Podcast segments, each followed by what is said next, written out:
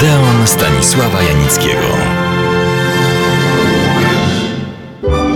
Może najpierw, oczywiście w dużym skrócie, jak wyglądał polski świat filmu w tragicznym 1939 roku.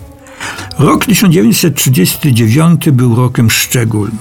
Gotowych do wejścia na ekrany było 11 pełnometrażowych filmów polskich. Do letnich wakacji miały swe premiery następujące filmy w porządku alfabetycznym. Bezdomni, film żydowski Onaheim. Jedynym po tragicznej powodzi ratunkiem jest dla bohaterów filmu emigracja do Ameryki. Ciłając pieniądze na bilet, wyjeżdżają kolejni członkowie rodziny. Pierwszy emigruje mąż, ojciec, żeby przygotować miejsce dla pozostałych. Ale cóż on może przygotować, skoro sam dostał tylko pracę w restauracji jako pomywacz naczyń? Przyjeżdżają pozostali. Ich los jest podobny. Żona, matka zastanawia się, czy warto było tu przyjeżdżać, skoro życie wcale tu nie jest lżejsze, a wszyscy czują się zagubieni w obcym wielkim mieście. Tu opowieść się kończy, ponieważ zachowana kopia pozbawiona jest zakończenia. Gorzka refleksja. Ci Żydzi mieszkający w Polsce, którzy nie wyjechali, pozwiązani byli z miejscem i ludźmi, którzy byli sąsiadami, zamordowani zostali bestialsko przez faszystów różnych maści. Filmy polskie, które zdążyły mieć swoje premiery. Biały Murzyn. Scenariusz Tadeusz Dołęga-Mostowicz, reżyseria Leonard Buczkowski.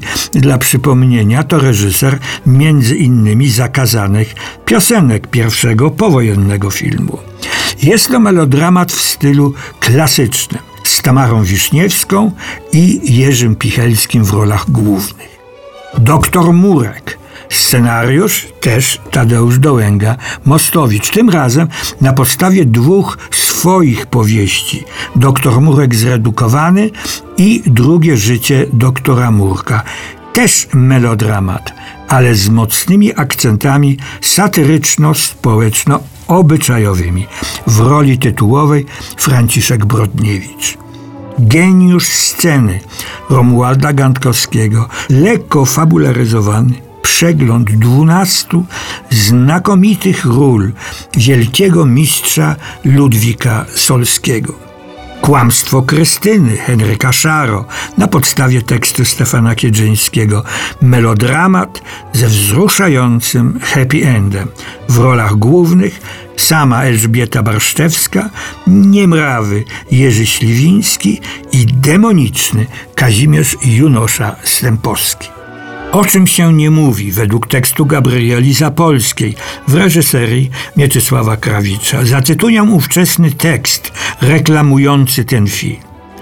Historia nieszczęśliwych dziewcząt, które z głodu, nędzy raz zeszły z drogi moralności, staczały się coraz niżej i ginęły w kwiecie wieku i urody. To film o wielkiej, nieszczęśliwej miłości upadłego anioła do szlachetnego młodzieńca. W tych rolach Stanisława Angel Engelówna i Mieczysław Cybulski. Trzy serce to inny rodzaj wzruszającego melodramatu. Jego twórcami są cytowany już wielokrotnie Tadeusz Dołęga-Mostowicz i reżyser rekordzista Michał Waszyński. Pokojówka zamienia swoje dziecko z dzieckiem hrabiny.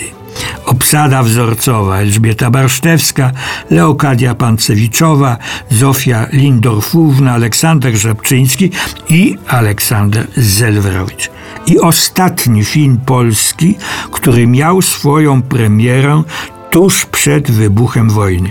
Włóczęgi, czyli Szczepko i Tońko, łyczakowskie batiary, pozostali świetni aktorzy są tylko ozdobą dla nich. Jakie to szczęście, że kopie filmów, w których wystąpili, się zachowały.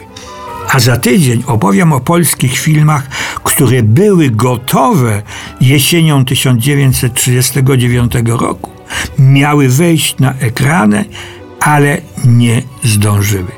Na szczęście ich kopie się zachowały, więc za tydzień o nich Państwu opowiem. Serdecznie do Odeonu zapraszam.